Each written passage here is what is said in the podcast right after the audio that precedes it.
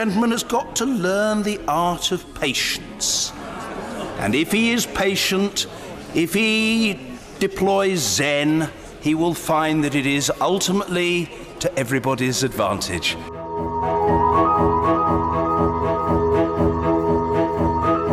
It's the shortest day of the year here in the UK, and a dank, dark day has matched a profoundly uncertain time. A new variant of COVID 19 is out of control. Because of this, over 40 countries have banned all incoming flights from the UK. In addition, France has shut its border, hundreds of lorries are stuck, and there are warnings some fresh food supplies may be impacted within days. Meanwhile, cases continue to surge, and families are rearranging Christmas after the government suddenly changed the rules. And then there's Brexit. There's still no trade deal. If that's the case at the end of the year, we'll have a no deal Brexit. Boris Johnson predicts the UK will prosper mightily in that situation. The UK's spending watchdog predicts it will deliver a huge economic blow. Better news came on the vaccine. Half a million people in the UK have now received their first vaccine jabs. But the benefits of that scientific marvel will come next year. For now, this is a Christmas week wrapped in worry and uncertainty.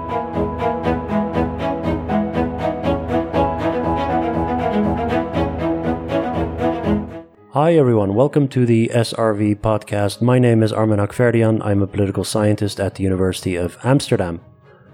You can follow us on Twitter at Stukroodvlees. You can follow me at Hakhverdian or uh, visit stukroodvlees.nl. You can subscribe to this podcast in whichever app you use, and uh, while you're there, rate and review us. I appreciate it. You just listened to a short clip from the BBC's Ros Atkins, who painted a very bleak picture of the current state of the United Kingdom. Who better to turn to in this hour of need than our old pal Rob Ford? Rob is a professor of politics at the University of Manchester, a fan favorite, a podcast staple. Um, Rob and I have three points on the agenda Brexit, obviously, then, at the request of a listener who asked for this in his uh, iTunes review, we spent some time discussing an article that Rob wrote together with Will Jennings on political cleavages in Western Europe. It's a great article, I'll link to it in the show notes. And uh, finally, we talk about the fourth season of The Crown, and in particular, how the show portrayed the Thatcher era. You can follow Rob on Twitter at Rob Ford Mancs. Uh, let me end with a genuine word of thanks to you, the listener. Uh, thanks for spreading the word on the podcast, for subscribing, for commenting, uh, sharing, liking, and uh, you know just your general support. It means the world to me. I hope everyone has a well-deserved Christmas break. Merry Christmas, Happy New Year, and uh, all the best for 2021. And now over to Rob Ford.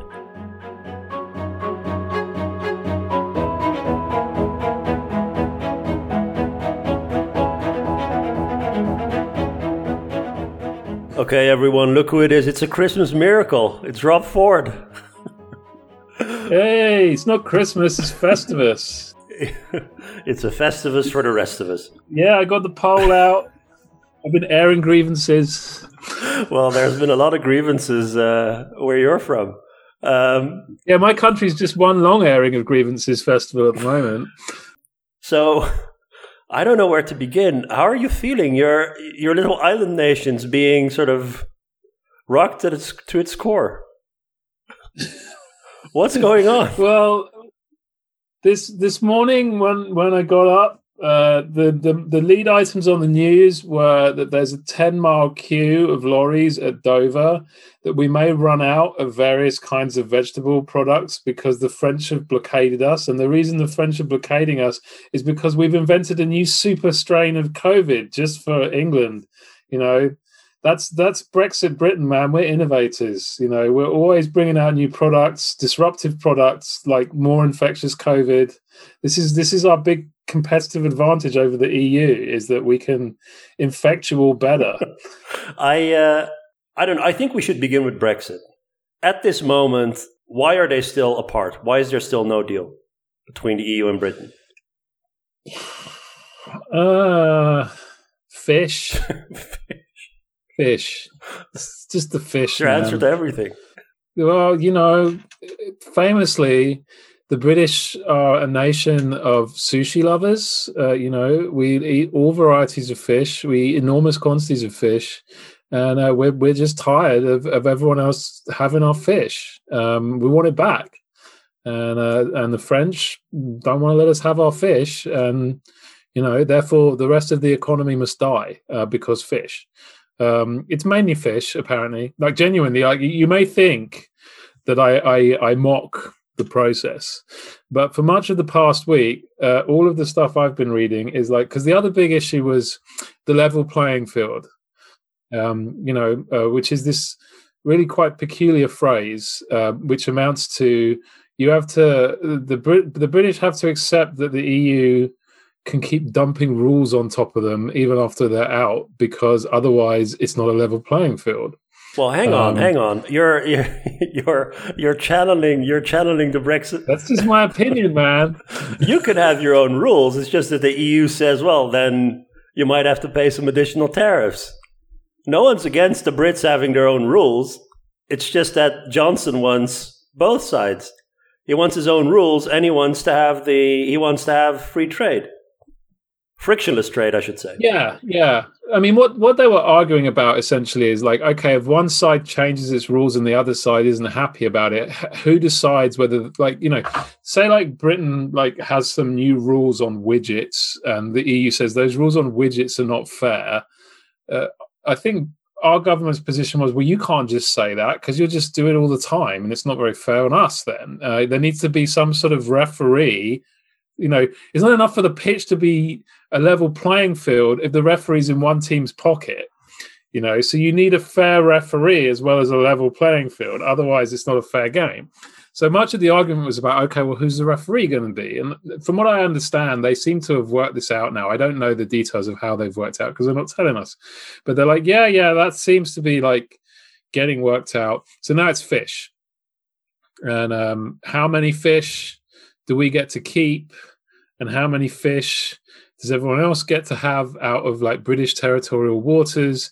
And how far is British territorial waters? Because that changed after Britain joined the EEC. It used to be, I learned this just the other day. I'm not an expert on fishing policy, I should be clear, but I learned the other day that it used to be that the, the territorial waters was three miles out from your coast. After that, it's like anybody's game. And you know why it was three miles, Armin? No, I don't. Three miles is the furthest anyone could shoot a cannonball in the 18th century. So it's like if you can sink people, that's your water. and then they didn't change that till 1980, even though you know they'd figured out ways to fire projectiles a lot further than three miles in the intervening period, and they increased it to 12 miles. I don't know if that's because that's the fire, furthest anyone can fire a shell now, uh, or if there's some other criterion, but I think it's 12 miles now or something. So then there was this whole argument, I think, about like, okay, are we're going to use the three miles, which is what you had when you joined, or we're going to use the 12 miles or whatever. But the whole thing is one of those situations where all the economists like kind of basically tear their hair out and throw up with rage because it's like this makes no economic sense at all. It makes no economic sense in terms of the whole economy because like fishing is like a rounding error in the British economy, but it also makes no sense even in terms of the the economics of fishing, because most of the fish that get caught in British waters are fish that British people don't want to eat. No, right, it's exported. They're all eaten right. by Spanish and French people. You so know the type of fish is the right to, to, to land fish that we then immediately sell to the other people who want to land the fish. You know uh, what type of fish you like? It's the type of fish that apparently a lot of Dutch fishermen catch, which is cod. Yeah, we love the cod. yeah. So the but the um, so to me, reading all of this stuff, it seems like the if you sort of clear out all of the noise, um, it's one of these fundamental issues where the question is, what do you need to do in order to uh, get full frictionless access to the single market? And it seems like in, in, in the end, I have no idea whether a compromise is possible because, again, one of the two has to budge. Uh, either you give the Brits some sort of an unfair advantage, British companies, or at least on paper, or uh, British goods are more expensive in the EU market. Two things I'd say on that Um, the first is uh, again, this is the reason that economists like tear their hair out in situations like this, and trade economists too, and trade lawyers, is because the politics of this, and I think not even just from the British side, the politics of this from both sides is really not about the economics of this. Mm. Politics of this from the, the EU side is it has to be made to look like the British are being given a hard time because they want to show all the other members that, you know, if you leave, it's going to be hard for you, you know, and also to sort of show the world, look at us, we're a big, powerful trading bloc and we can get what we want. So the EU has to drive a hard bargain to show that there's a point to have in the EU and that there's a reason, you know, that you shouldn't leave. From the British side, they have to drive a hard bargain because ultimately Brexit is a nationalist product project. I mean, everyone pretends like it isn't, but let's face it, this is what it is. It is about for the people who voted for it, and um, it doesn't matter how often you say to them, "Yeah, but you get more trade." They're like, "Yeah, but it, it, I'm not doing that in exchange for you know the French people getting 85% of the fish in the channel. That's not fair. We want our fair share. And then you say, well, yeah, but the EU's bigger. And they're like, don't care, you know, because that's the nature of nationalism, right? So that's the first thing is that for neither side, as I think, I mean, the the bargain itself is about economics, uh, but the the block the blockage to reaching the bargain is, has been all the other stuff that isn't economics. And the second thing I, I want to say, just on the level playing field, is that for once in my life, I'm going to sound vaguely like a Brexiteer. And you've in, changed, man. For, for your listeners, I should, you should you should be aware that I've been more than willing to pour my share of scorn on some of the stupider arguments that the Brexiteers make. But it strikes me that the EU is now trying to have is, is now engaging in the have your cake and eat it type thing with regards to this level playing field because they have spent most of the last four years sort of telling us, oh, no, if you leave the single market, you will be cast out into limbo, into the outer darkness, and the trading terms will be so much worse. And it's not just about tariffs, it's about all the wondrous non tariff benefits of the marvelous single market, which is the single greatest economic integration project that the world has ever seen. And if you leave it, it will be bad for you, whatever terms you leave it on. And now they're turning around and saying, oh, no, no, no, no, no, no, no. You can't have any access at all to the single market unless we can completely dictate the terms, because otherwise it's massively unfair and the whole thing will fall to bits. You know, this is some sort of amazingly robust thing with these amazing kind of like, you know, uh, intangible walls built around it that we're leaving anyway, then why are they so worried? Like, what is, is it fragile? If it's fragile, then stop telling us it isn't if it's not fragile then stop telling us that like us like you know not entirely signing up to everything that you do will somehow you know detonate your whole big project. And that again strikes me as you know the eu loves to sort of portray itself as like a fully technocratic oh no nationalism and identity politics we're totally past that. We're not like that at all. But occasionally you see like actually that's not entirely true you know i mean they they want to have their way and they want to have their way because they want to have their way it's not just about like you know um some sort of technocratically fair rules system because if this was such a robust single market that i mean like you know Ukraine, Turkey, all these other countries that trade with the EU, Canada, it doesn't smash up the single market that they trade with it. Why is it suddenly going to be like the end days of the single market um, if the Brits are able to set their own standards in like some limited range of products. I don't buy it, you know. So there you go. That's the one time you're going to hear me sounding like a Brexiteer. I am I not going to. A little bit bullshitty. Hmm? I'm not going to get the bait. I'm not going to do what you just did and uh, sort of the mirror image and and and and defend the EU. That's not how I am, Rob. You you let your guard down you you went on the record and defended the Brexiteer cause. I'm not going to do the same thing for the EU. My point is more that it they it's from both both of these sides. They want to do the uh, have your cake and eat it too stuff. Is my impression. So um, it seems like the way that the EU is approaching this, it is very much um, an, an all or nothing thing kind of like the sovereignty on the side of, of, of, Britain. It's kind of an all or nothing thing. Yeah, but that's that's the politics of it. I think on both sides, which is why I think it's it was always inevitable that like this whole year was going, and, and this isn't incidentally. uh, I'm actually going to sound mildly like a Brexiteer for a second time, but not very much like a Brexiteer. But like a lot of these, there's a lot of people saying, "Oh, we should extend the negotiation process. This is insane to be doing it in the middle of super COVID and everything like that." And on the again on the level of economics, I completely agree. Uh, on the level of politics, I kind of probably 70% agree, but there's 30% of me that says, yeah, but we've learned this lesson a number of times now since 2019. If you extend, all you do is get the same crazy crunch deadline drama at the next deadline point. It doesn't change anything. Um, you have to just rip the plaster off at a certain point, and this is probably not the optimal point to do it, which is why I'd be 70% in favor of extending. But I don't think that there's some sort of magic wand you wave if you do extension that will somehow make all of these problems go away. It just delays them for for another period of time. Um, and I think the politics of this is it was always going to go to the last possible day. And I mean, seriously, I mean, the number of times I have read in like my sort of daily politics briefing emails, oh no, this is the week, this is the crunch week. There's no more time left. It can't it can't be later than this week. This week is definitely gonna happen. And then it's like that Charlie Brown cartoon, you know, they put the ball up and the guy comes running up and then pff, take it away again.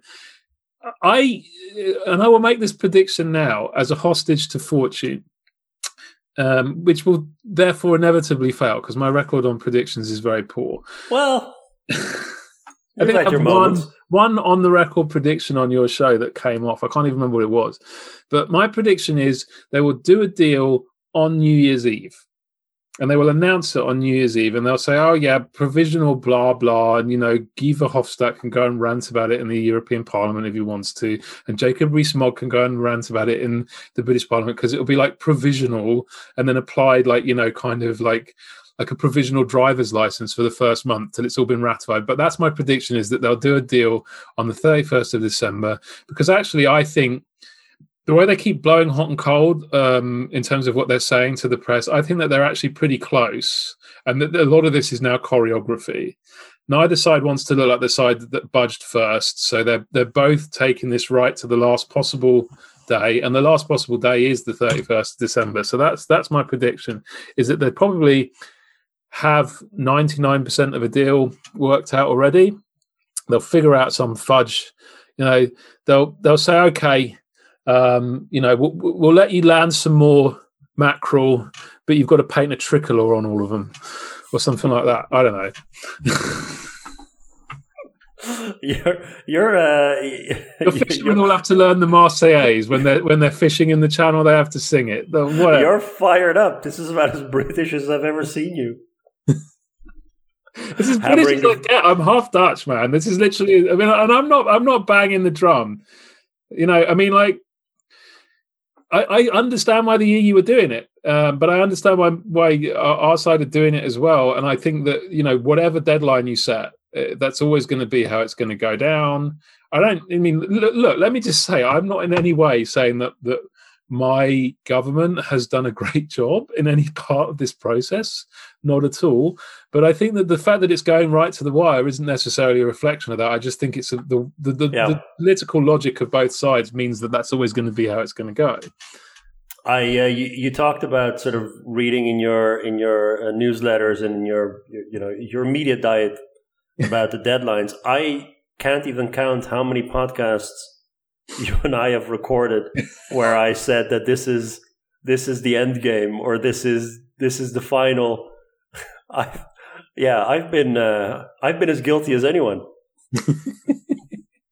well, I mean, it has looked like the end many times, um, and actually this is the other thing this is the other reason why i think it will be 31st of december is that i think secretly that they'll never say it publicly because again politics both sides know that a no deal brexit is not an outcome because the next day you wake up and europe's still there and britain's still there and all the problems that were on the table are still there it doesn't magically end the process um, you know, uh, you still have to figure out on what terms you're going to relate to each other. So all you're doing is kicking the can down the road in a slightly different way. And I think they'd rather just resolve it Um, but I, I think that nobody wants to resolve it until they can claim there was no other option, and that's why it makes sense for it to be the last possible day. If not, then I think it'll be quite early in the new year because I think nobody's going to be very happy with the the no deal situation. So let's say that some sort of a deal is reached and there is some small print again probably on on some of this level playing field stuff that probably isn't too kind to to Johnson because you know that's the compromise uh, that's the compromise position kind of like with the withdrawal agreement in Northern Ireland I mean there's always going to Yeah, be some yeah, yeah. small print that isn't black and white and the same probably on the EU side but what what sort of um, a domestic battle would he face in Parliament? I mean, that is an interesting question at this point because uh, on no metric whatsoever could it be said that Boris Johnson's had a good year in terms of his internal management of the Conservative Party. You remember the ERG, notorious ERG? Yeah, you're sounding like one of their members on my podcast. Well, that, that I think is taking it a little bit far, but the, the, right. the ERG have now, like like many successful boy bands in history, um, spawned a whole bunch of imitators. So there's the there's the CRG and there's the NRG, who are kind of the rave ERG, uh, and then there are the what is the other one? There's at least another three. There's like CRG, NRG, But they're all parliamentary factions. yeah, and they they all they're all calling themselves like RG because the ERG acquired this kind of mythical status, and they're all trying to borrow the magic. So there's the Northern Research Group, uh, there's the COVID Research Group. That's another one, um, and I forget what the, the, there's a there's one that's like I probably there's probably a Build No More Houses Research Group or something like that. That would normally be what you get in the Conservative Party, but there's these factions, and all of them are just like groups of MPs who, for different reasons, are pissed off with Boris Johnson. He's faced a number of pretty serious rebellions already. Um, he's lost and burnt up a heck of a lot of goodwill with his MPs through all these kind of screeching U turns he keeps doing on practically every policy going, plus the whole Dominic Cummings farce. Um, yeah, since the last time we spoke, Armin, of course, the great mega mind of the um, Yeah. Johnson administration um, has departed uh, because apparently he couldn't super forecast his own imminent demise very effectively in a way that enabled him to avert it. Um, so he's gone, and there's been quite a noticeable change in Johnson's approach ever since he's gone. Uh, the, the, government are definitely at war with less people simultaneously than they were a couple of months ago. But the, the legacy of his sort of 10 months as the mega mind of the Conservative government is that he's pissed off a huge range of backbenchers, and you need their votes.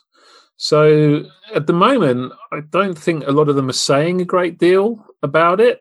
Um, but the lesson from uh, the May government is as soon as a deal exists, um, the chances are Conservative MPs will start to find reasons not to like it. Uh, right. And the new parliament that Johnson returned after the last election is, I mean, his party, I should say, is uh, notoriously more Brexiteer than before. Yeah, These are not these are not the MPs to compromise. yeah. probably. I mean, on the other hand, he's got a whopping majority. Um, Yeah. So he can weather a good deal more rebellions than was the case uh, for his predecessor. Um, but how many? How many? How many can he weather um, before the deal starts to become in doubt? I mean, again, my sense is this is all a reason for him to to try and get this done early rather than drag it out because no deal will just radicalize the arch Eurosceptic wing of his party and make resolution even harder. It would be better for him to try and sell, you know, whatever kind of turd sandwich he can get out of this process as you know a, a marvelous dinner uh, rather than waiting till later on when it will be even harder to convince his MPs of the merits of things. There's also the question of whether Labour are going to vote for it because under their new leadership of um, you know steady as she goes, Keir Starmer, a man who spent four years as shadow Brexit secretary, apparently trying to stop Brexit from happening altogether, has now decided that there's no circumstances at all in which he wants to stop it. Um, he, he's like, it's happened. It is. We have to move on, and so there's a good chance that Labour will they may not. I mean, they, I'm not sure that they'll whip their MPs to vote for it, but they may well not whip their MPs against it, which means that quite a decent number of them would vote for it. Which I think he wants a deal, Starmer. That that's what uh, I think it said today or yesterday. Uh, that's Johnson his position, yeah. yeah. And when you think about the politics of it, um, as far as Labour are concerned, the lesson they've learned is that it doesn't really matter if nearly 50% of the public voted for Remain because a lot of them are in Scotland and they won't vote Labour at the moment. Uh, and the rest of them are packed together in cities with enormous Labour majorities. Uh, so they're not very efficiently distributed. And therefore, if you're going to get a parliamentary majority, you're going to have to win a lot of leave seats. And if you're going to win a lot of leave seats, you need the subject the public's arguing about to be anything other than Brexit, frankly, and they therefore you might as well just accept up. Brexit. Uh, or to put it another way, um, a lot of pissed off Remainers are much less electorally threatening to Keir Starmer than a lot of pissed off Leavers. So he'd much rather piss off the Remain wing of his party at this stage than than piss off the Leave wing. Um, Sounds like everyone just wants to move on, for God's sakes. Yeah, yeah. It's kind of like uh, year four of a celebrity divorce process, you know, and it's like, oh, fine have the fucking third house. I don't care. And yes, I'll pay another 5% in alimony. I don't care. Can we just move on with our lives, please? And that's another reason why I think a deal may well happen because at the end of the day, does anybody want to stretch this out for another six months over a few hundred million quid's worth of mackerel and Dover sole? Right. But so um, I've I've been reading that what is happening sort of in the past 24 hours with this mutated version in the UK being shut down and everything that it's some people call it a dress rehearsal for a no deal Brexit. Do, do you buy that? Not really, no, because um, it's uh, unlikely to be a, a, lasting set of protocols. Um, it was a bunch of stuff that everyone did in a big panic because this, you know, Brexit COVID 2.0 appeared in Kent, of all places. Maybe Farage was the first patient zero, I don't know, um, and has now spread all over the southeast of England. And so everyone panicked um, and said, well, we don't want it getting into our country, so we'll shut down access to the UK. But that's never going to be like a long term thing anyway. And there will probably be all sorts of workarounds for like essential products and stuff like that. So it's a it's a, a, set of emergency procedures within existing rules. Whereas I guess the No Deal Brexit is like everyone having to sort of scramble around to figure out what the the rules are, and you know, and it affects a much wider range of stuff and for much longer. So I, I think No Deal Brexit would be less dramatic, uh, more costly in the long run, of course, but um, less less dramatic than that. I mean, like the the, the whole the COVID blockade thing is apparently already like they're working out potentially uh, some sort of a deal to to allow goods to flow again because it's been pointed out uh, to the French government that um, lorry drivers don't really leave their lorries very much. Um, so they're not they're not a particularly threatening COVID transmission vector. And if, if, if you want them to stay in their lorries longer, fine. Um, they'll probably be fine with that. They have a bed in there and everything. So um, you know what's what's interesting? The thing that was necessary after all these years, Britain being divided, Remain, and Brexit, is to have a common enemy in the French. That's what you needed. now the country's going to unite. Yeah, well, you see, this is where being half Dutch doesn't really change things very much for me because uh, I'm not sure the Dutch are like the biggest fans of the French either, historically speaking. Uh, maybe you guys are all, all friends now, but. um, so, uh, all right, good. So let's let's talk. Uh, move towards uh, to the next uh, point I wanted to talk to you about. as you know, you have a bunch of groupies in the Netherlands who cling on to your every word. Yeah. Um, there was a fella by the name of Rens who left a review on the iTunes. Uh, together with five stars, that's why we're entertaining his request. and uh, in his uh, in his review, he wrote. He's a student of political science in Nijmegen. He wrote that for class, he's reading your your piece with Will Jennings uh, on cleavages in the annual review of political science, and whether we'd uh, you know, we'd consider discussing that piece on the air. So I'll link to it in the show notes. It's a great article. It's also a bit of a peculiar article type because it's a, it, it's a review. It's not your own research. You're basically reviewing and synthesizing research of others, right? So what's what's the uh, why do you want to why did you want to write that article with Will? Um, it was kind of like I mean I've I've written with Will um, for a number of years now on various things, and um, we know Ben Ansell a little bit, who I think is involved with the annual reviews some somehow, and he was like, "Oh, do you want to do like a thing on class for the annual review?" And we were like, "No, not on class, but we would kind of like to do something that's that like, old chestnut." well, yeah, I feel like that's been done. Um, but we were like, look, we're, very, both of us, very interested in these new divides that are, are, are arising. Um, you know, education, ethnicity, urban, rural, these kind of things. So we'd, we'd like to do it. And there's lots of really great work has been done on these. Uh, so we'd like to do a review of that. And he was like, okay, that's fine. Uh, can you do it for next year? And we said, yeah, of course. Uh, and then a year rolled around and we hadn't written a damn thing. You're like, like, the EU and Britain. After. so, All the way yeah. to the deadline. Yeah, t- two years later, um, we we did we did uh, deliver this, but it, it's it's because yeah, I mean, this is why we didn't want to do it on class. Really, it's like not, neither of us would contest that class is still an important division, but we think that there are these new divisions arising. I mean, we've talked about this before on the show, I mean, you know, uh, and and they're they're really really important for understanding how our politics is changing. So we wanted to go and do a bit of a sort of big political sociology um, overview on these new divisions, why they might be important, uh, how they've arisen, and all this kind of thing. So that that was where it came from, really.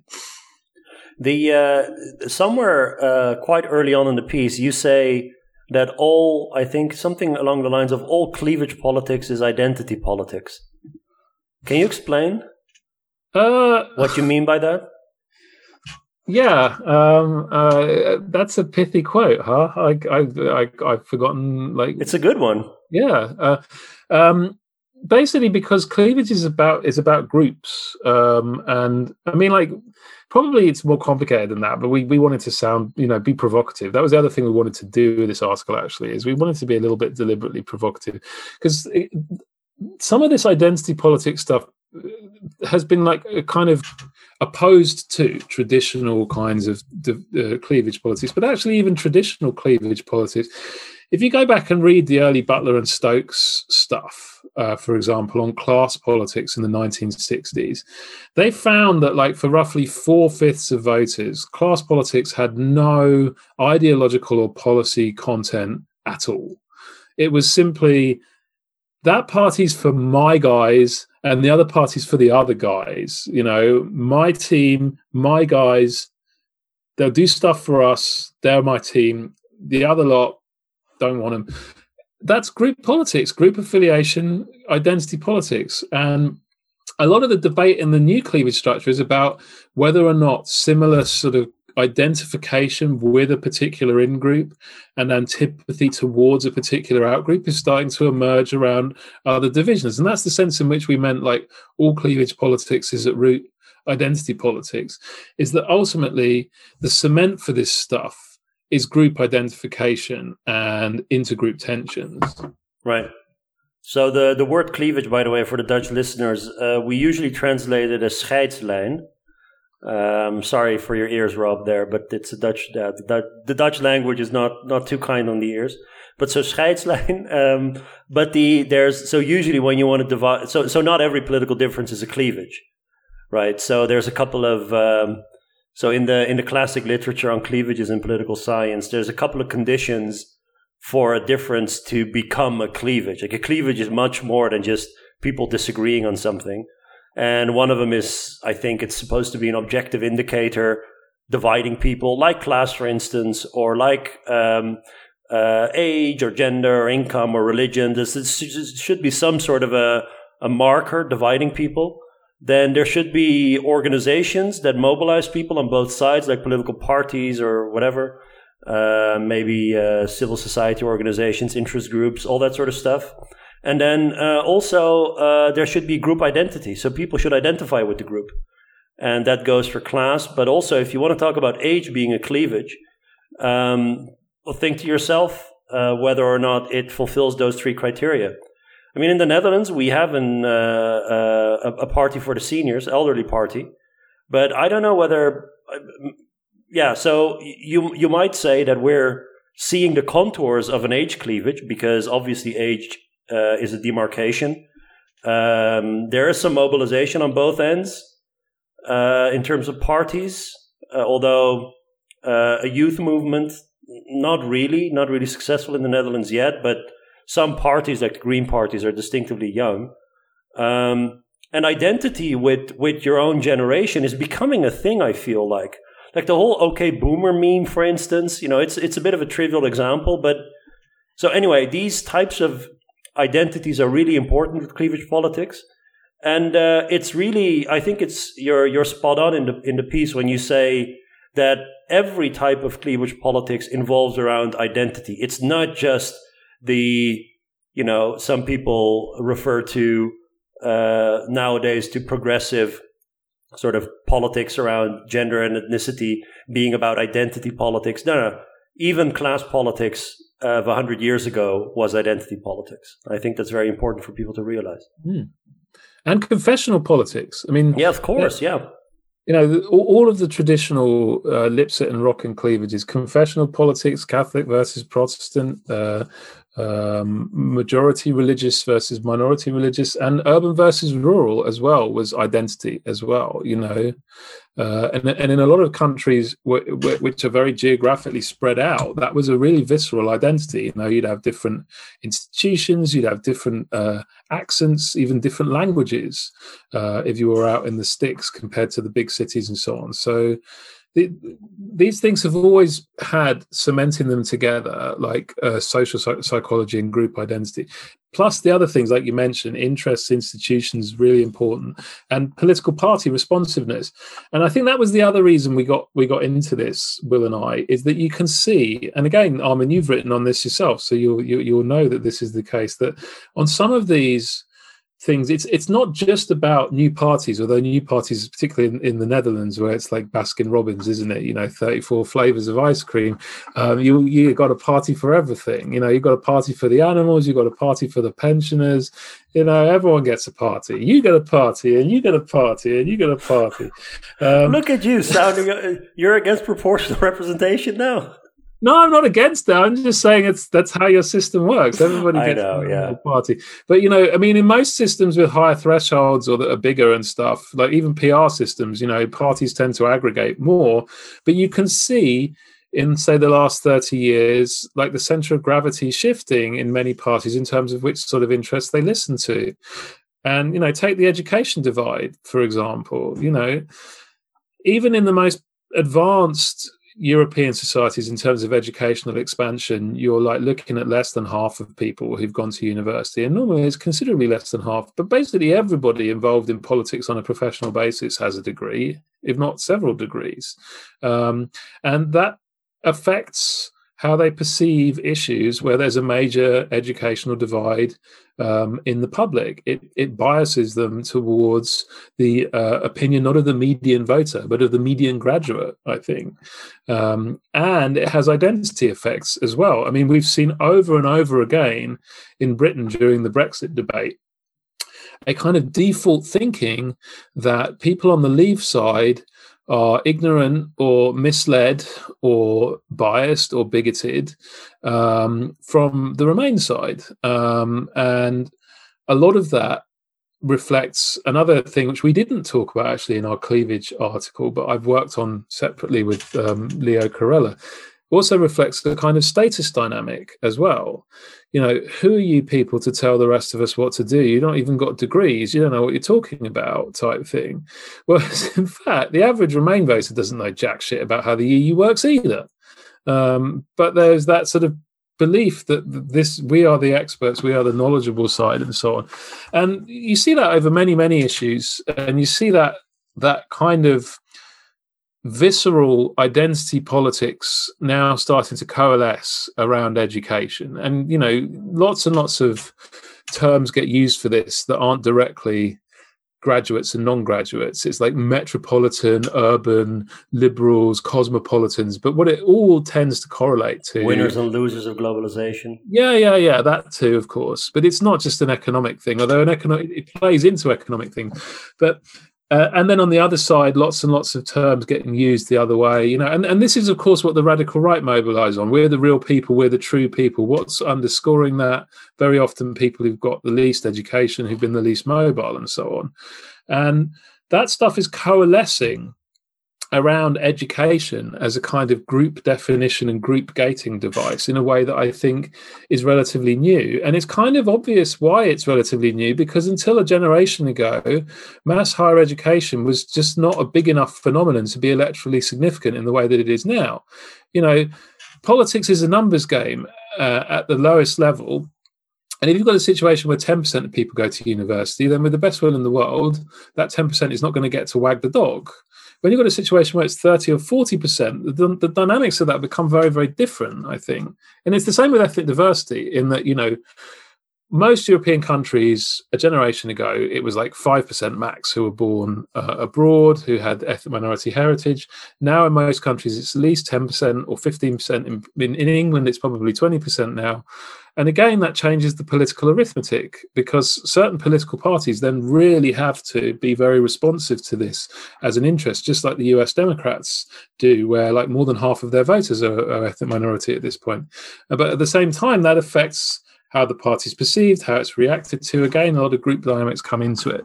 Right. And uh, yeah, we just don't think, Will and I, uh, that, that all of that can be reduced down to things like class. We think that those are distinct and new things that need to be thought about as distinct and new things.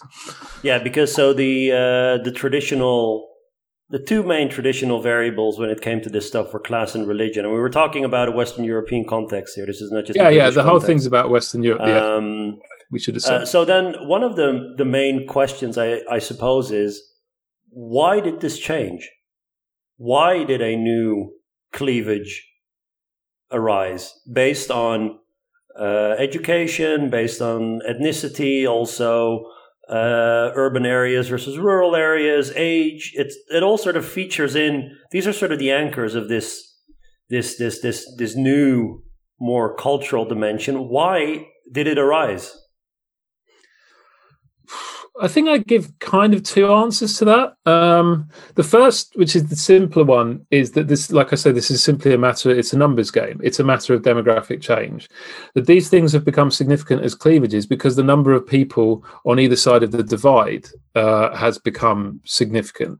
You know, uh, uh Britain in 1983, five percent of people were university graduates, and you couldn't have a five percent versus 95 percent divide. It would be pointless. It would be a whitewash. Uh, now it's um, 40 60. So 40% university, 60% non university. That's a very different state of affairs. Um, uh, ditto with some of the other things you mentioned. So, one, one reason is just demographic arithmetic but that's a, an insufficient explanation because like if nobody cared whether you went to university or not then it wouldn't matter with the numbers changing the other thing i think which is more complicated, is if you go back to the original cleavage literature, as, as Will and I did write in this essay, you know, these things arise because there's a whole accreation of things attached to that divide that have like really profound effects on your life chances, on your opportunities, uh, and therefore on your values, uh, all this kind of stuff. Why, why, why are we obsessed with class in Britain?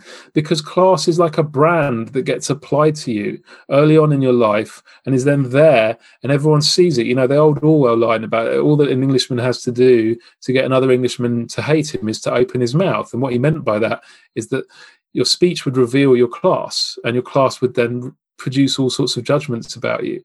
Um, so, when you have markers of identity that are attached to a whole manner of social stereotypes on the one hand, and a whole manner of structural effects in terms of what opportunities are opened and closed to you. And again, religion is an example of that. In the traditional pillarized Dutch society, where you could work, where you could live, who you could marry. All of those things were tied up with well, your football club, your butcher, your baker, the radio station, the newspaper. Exactly, exactly. And if you look at all those kinds of things, social stereotypes, structural opportunities, cultural consumption, all of them are structured by education in our society today. All of them, perhaps to a lesser extent, but a still pretty meaningful extent, are structured by ethnicity and migrant origins as well. Um, age is a trickier one because we all get old uh, and it does change like uh, our cultural consumption and things like this.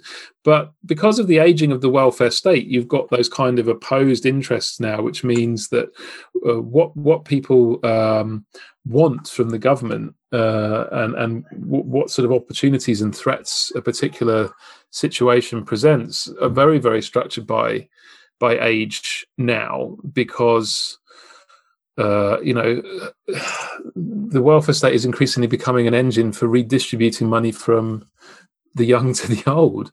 Uh, um, so I think, to be honest, like that's a bit of a sidetrack because I think age is a little bit different to the other ones that we talk about. Urban rural is another one I think where this is also true.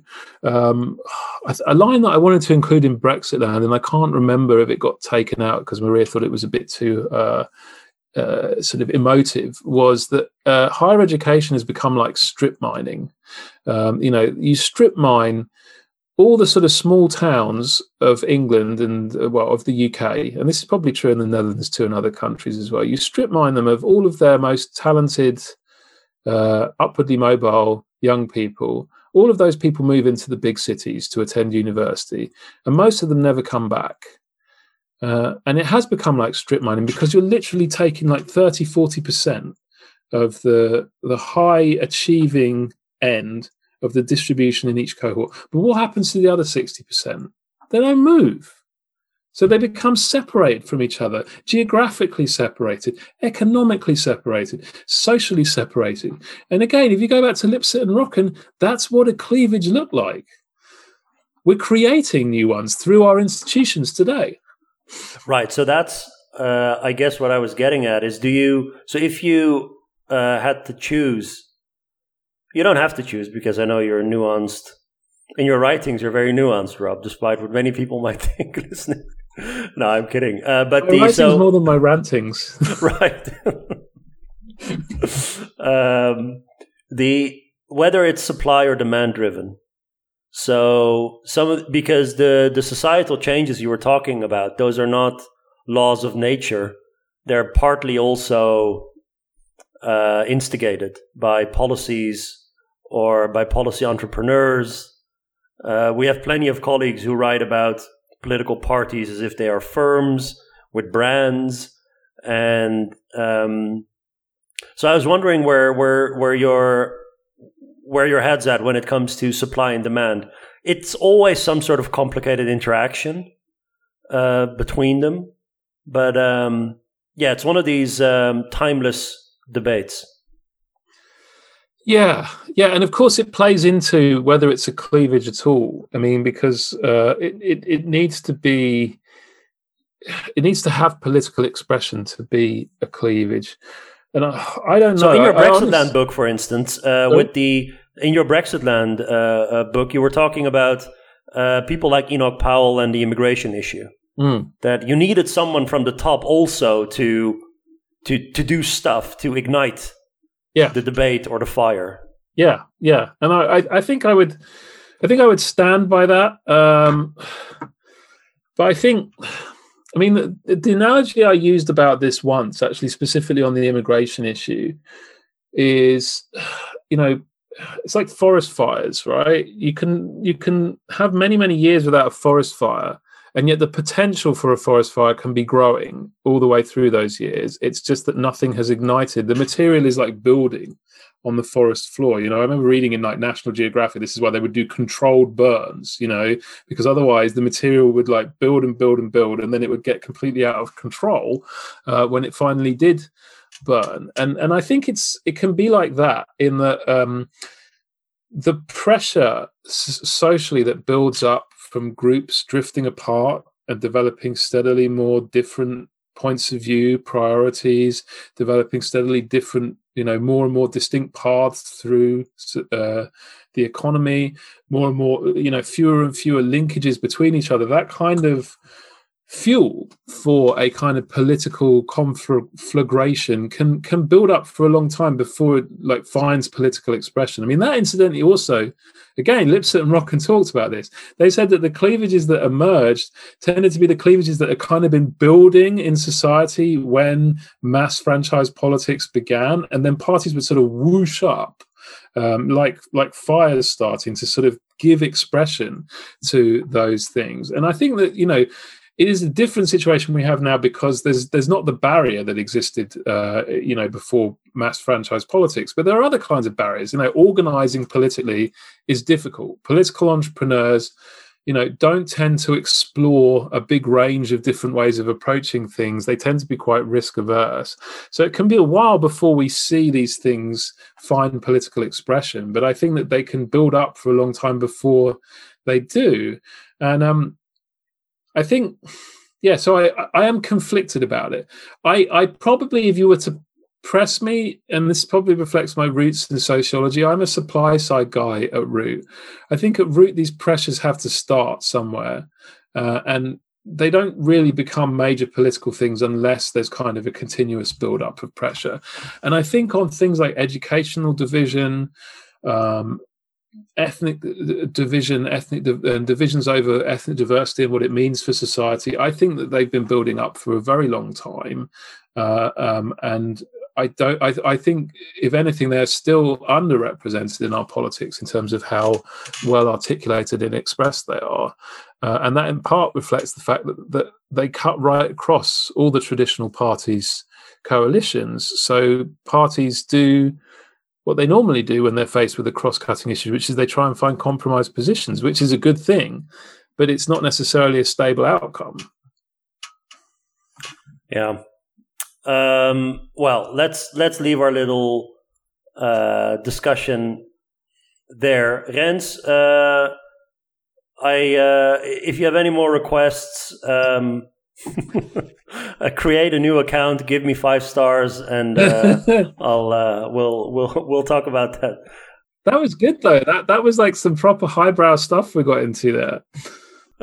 what are you that. talking about? It's it's well, we're a serious podcast, Rob. We talk about very serious issues, like the final uh, topic I wanted to talk to you about: fourth season of The Crown. Talk about class politics and that sort of thing.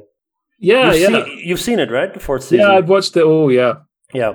Okay. So, um, I suppose it's silly with a with a show like The Crown to talk about spoilers. yeah. So, spoiler alert: Charles and Diana are getting on very well.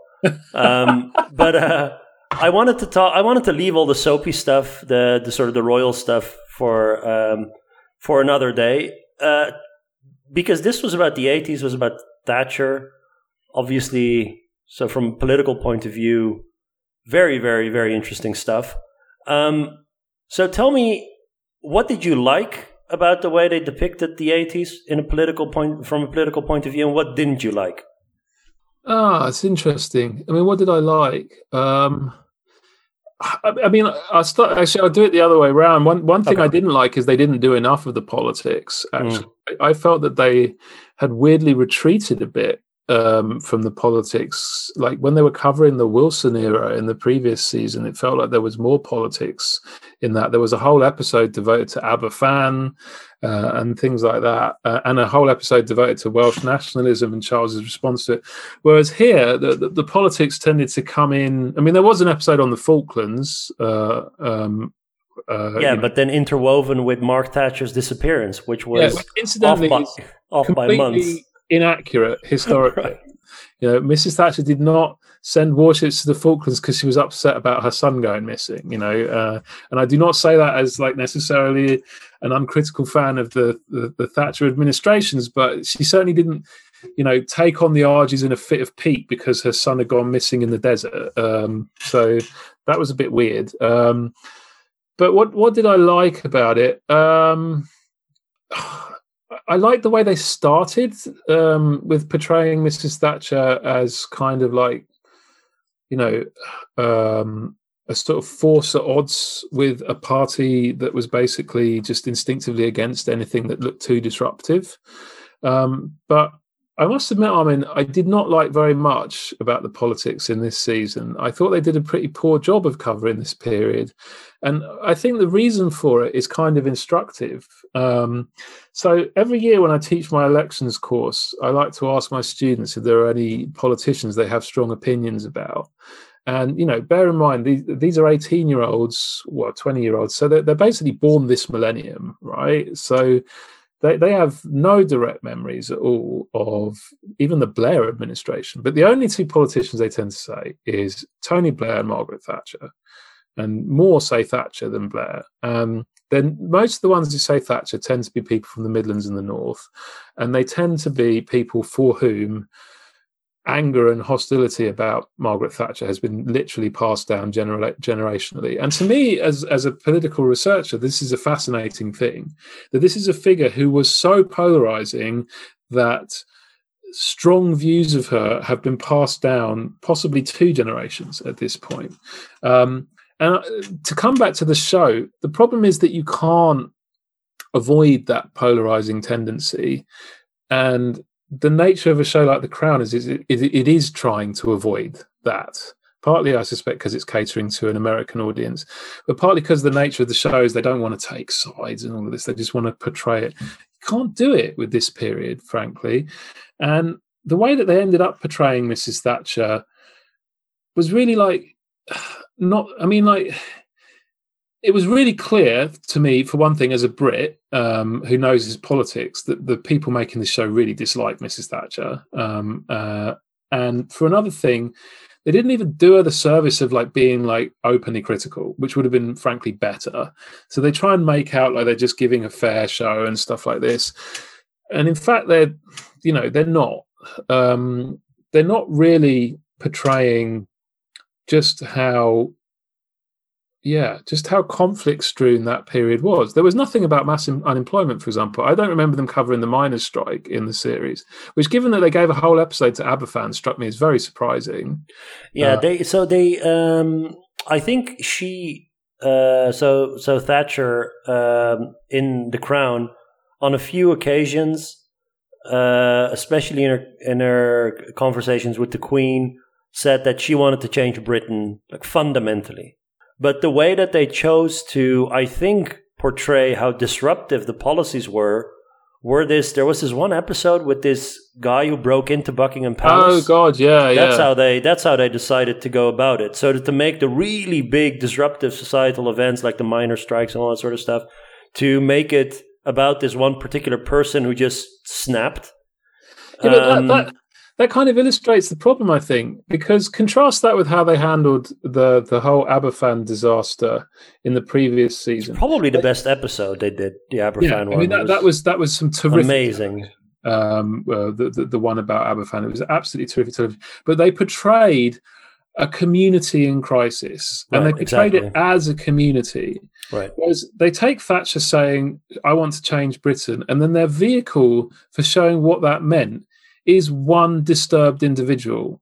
Nothing about the broader social trends, nothing about what's happened to the Midlands and the North, nothing about the strikes, nothing about the conflict, just one guy who's lost his job. You know, I mean, it, it weirdly reflected the very individualism that Thatcher was trying to introduce. It was no longer about a community, it was about one guy on his own.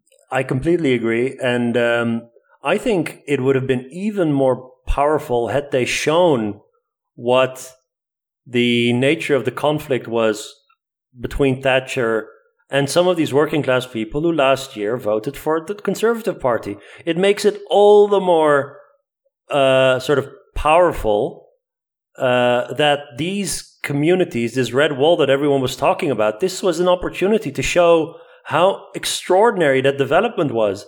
These are people that spent generations hating hating the Conservative Party primarily because of Thatcher. Yeah.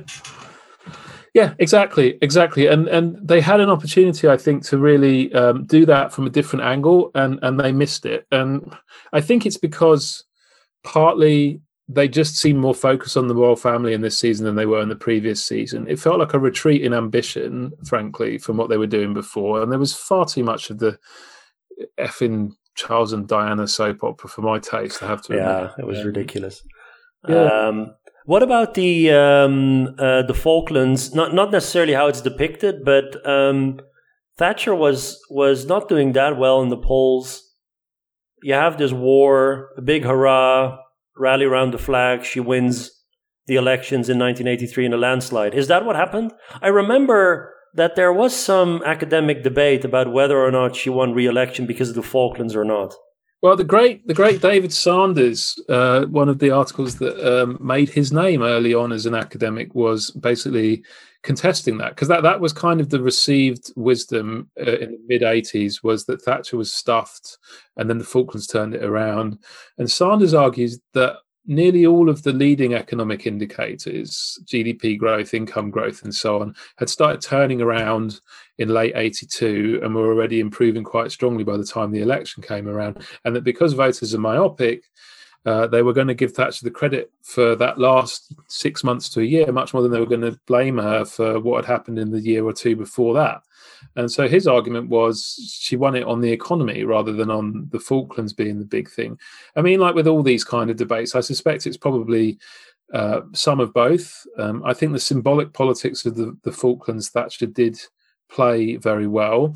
And of course, there's another myth about that election, which was incredibly powerful and very consequential for the election we've just had, which is it was the election of the SDP. So there's this whole myth on the left that if it wasn't for those treacherous centrists, Roy Jenkins and David Owen and the rest of them, and Shirley uh, um, Shirley Williams, and the fourth one whose name I always forget, Bill something. Um, if it wasn't for that gang of four, um, that that it would have been a landslide for the left, and that that myth also doesn't stand up to scrutiny because when you look at the SDP electorate, it draws almost evenly from the Tory side and the Labour side. But it was highly relevant for the election just gone because quite a lot of people in the Labour Party um, most notably John McDonnell, but not only John McDonnell, uh, either had direct memories of the SDP split or had long been socialized into this the split killed us argument. And this was one of the reasons that they were willing to um, back a second referendum um, was because they felt otherwise the Labour Party was was going to have a massive split, and if they had a massive split, they'd definitely get whooped. I mean, they got whooped anyway in the end, of course, but they didn't know that when they were making those decisions, like which was the better path. And the SDP in '83 loomed so large. And incidentally, there's another thing that doesn't get a damn mention in the Crown, like the SDP, not at all, or anything like that. Not, I mean, like my main complaint, Armin, not, not enough politics. Too too much Diana dancing to like early '80s electro pop, and not enough politics, frankly. Yeah, I yeah I didn't like the fourth season that much. I think so. They obviously uh, all sorts of smaller details might go wrong. What I think that they missed is to capture the gravity of uh, of the of the 80s in terms of the disruption societal transformations just how fierce it was how polarized it was. Exactly. Yeah. Um, and that's a shame because they've shown in previous seasons that they're perfectly capable of tackling that stuff. Yeah yeah. But i i, I don't think it's an accident armin. I, I really don't. It's it's a weird thing uh, about politics in in this country is that that that era is is is like radioactive material. Um, you can't not have a political or can't not be perceived to have a political agenda when you cover that material. And to be honest, the best stuff done about it just unashamedly takes a very left wing position on it or a very right wing position on it, kind of reflecting the nature of the polarization, you know. Um, whereas stuff that tries to sort of dance across, it, it can't, it, it just doesn't work very well. Whereas I think the earlier eras they're portraying are far enough back in people's memories that they don't have that divisive aspect to them in, in the same way. Um, but yeah, I, I feel it was a missed opportunity to uh, to have done something rather more ambitious. Um, but you know, ultimately, it is a show about the royal family, and you know, this was the great Charles and Diana psychodrama period, and let's face it, we're not the core audience for it, are we? So, well, I still liked it. I I, I binged watched it like crazy, so I still really enjoyed it, of course. yeah, I, I loved the episode with the two like royal cousins who were locked up. I, I, I couldn't believe that that was actually true. I looked it up. That's just mad that they locked up their own cousins. Crazy. I don't think the Dutch royal family would do that. Uh, the Dutch. well, nice we had. people, uh, they ride bicycles. They wouldn't lock their, their cousins up in the house. Now they do. They used to be batshit crazy. Um, Rob, a pleasure as always. Yeah, pleasure was all mine. I'd, I'd love to catch up. And Merry Christmas to you and Maria and the kids. Thank you, and and to yourself. Um, uh, if uh, if you have any like lettuce or cauliflower going spare, any uh, any of your listeners, uh, apparently those are going to start running out in Britain in the next couple of days. So do think of us and send it like Amazon Prime so that we can have vegetables with our Christmas meals. Any uh, any plans for the Christmas break? Books to write? I'm going to sit in front of the TV and uh, and w- watch the, the Queen give her a sort of recounting of 2020. Oh Uh, boy. Yeah. Well, um, I hope 2021 is a kinder year for us for than all of us. 2020. For all of us, yeah. Uh, all right, take care. Uh, to the listeners, Merry Christmas, Happy New Year, and uh, we'll see you uh, on the other side.